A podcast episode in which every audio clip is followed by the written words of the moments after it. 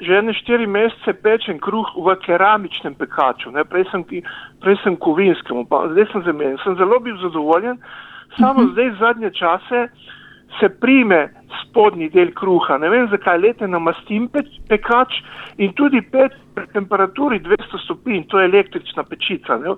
Ja, Zakaj ja. se to prime? Ne vem. A, ne, na, ne. začetku, s- na začetku se vam ni. Ne, zelo sem zadovoljen, v, je veliko boljši tudi okus kruha in tako saj se Ja, mi zdi ja, v mhm. keramičnem pekaču, ampak zakaj se prime namastim? Ga namastim in pri 200 stopinj pečem. To No, ne bi se peč, ne? tako, ker v navadnih pekačih se mi ne prime, ne zlasti, če se namasti. Ne, prej, prej sem imel kovinskega, se ni primlo nikoli. Ja, ja.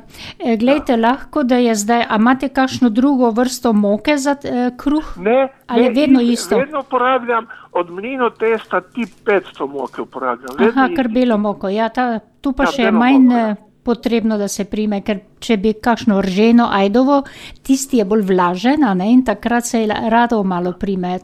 E, Glejte, zdaj jaz bi vam svetovala, da ne se ma, mučite z maščobo, z mazanjem, pa takole se bo prijelo ali se ne bo. Kaj če položite na dno pekača peki papir? Ja, ne vem, tega nisem nikoli uporabljal, tega peki papirja. A Nima, ja, jaz ga dajem vedno, tudi če pečem recimo rogličke kvašene ali kar dajem kvašenega na pekaču.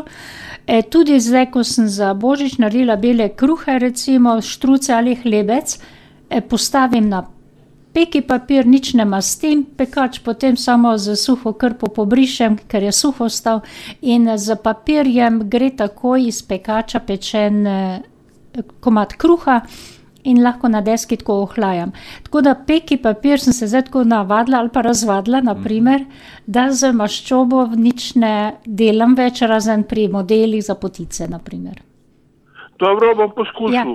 e, če morate si z mehko spekijem, probajte enkrat, pa boste videli, kakšna je vam razlika, če vam bo to uspešno.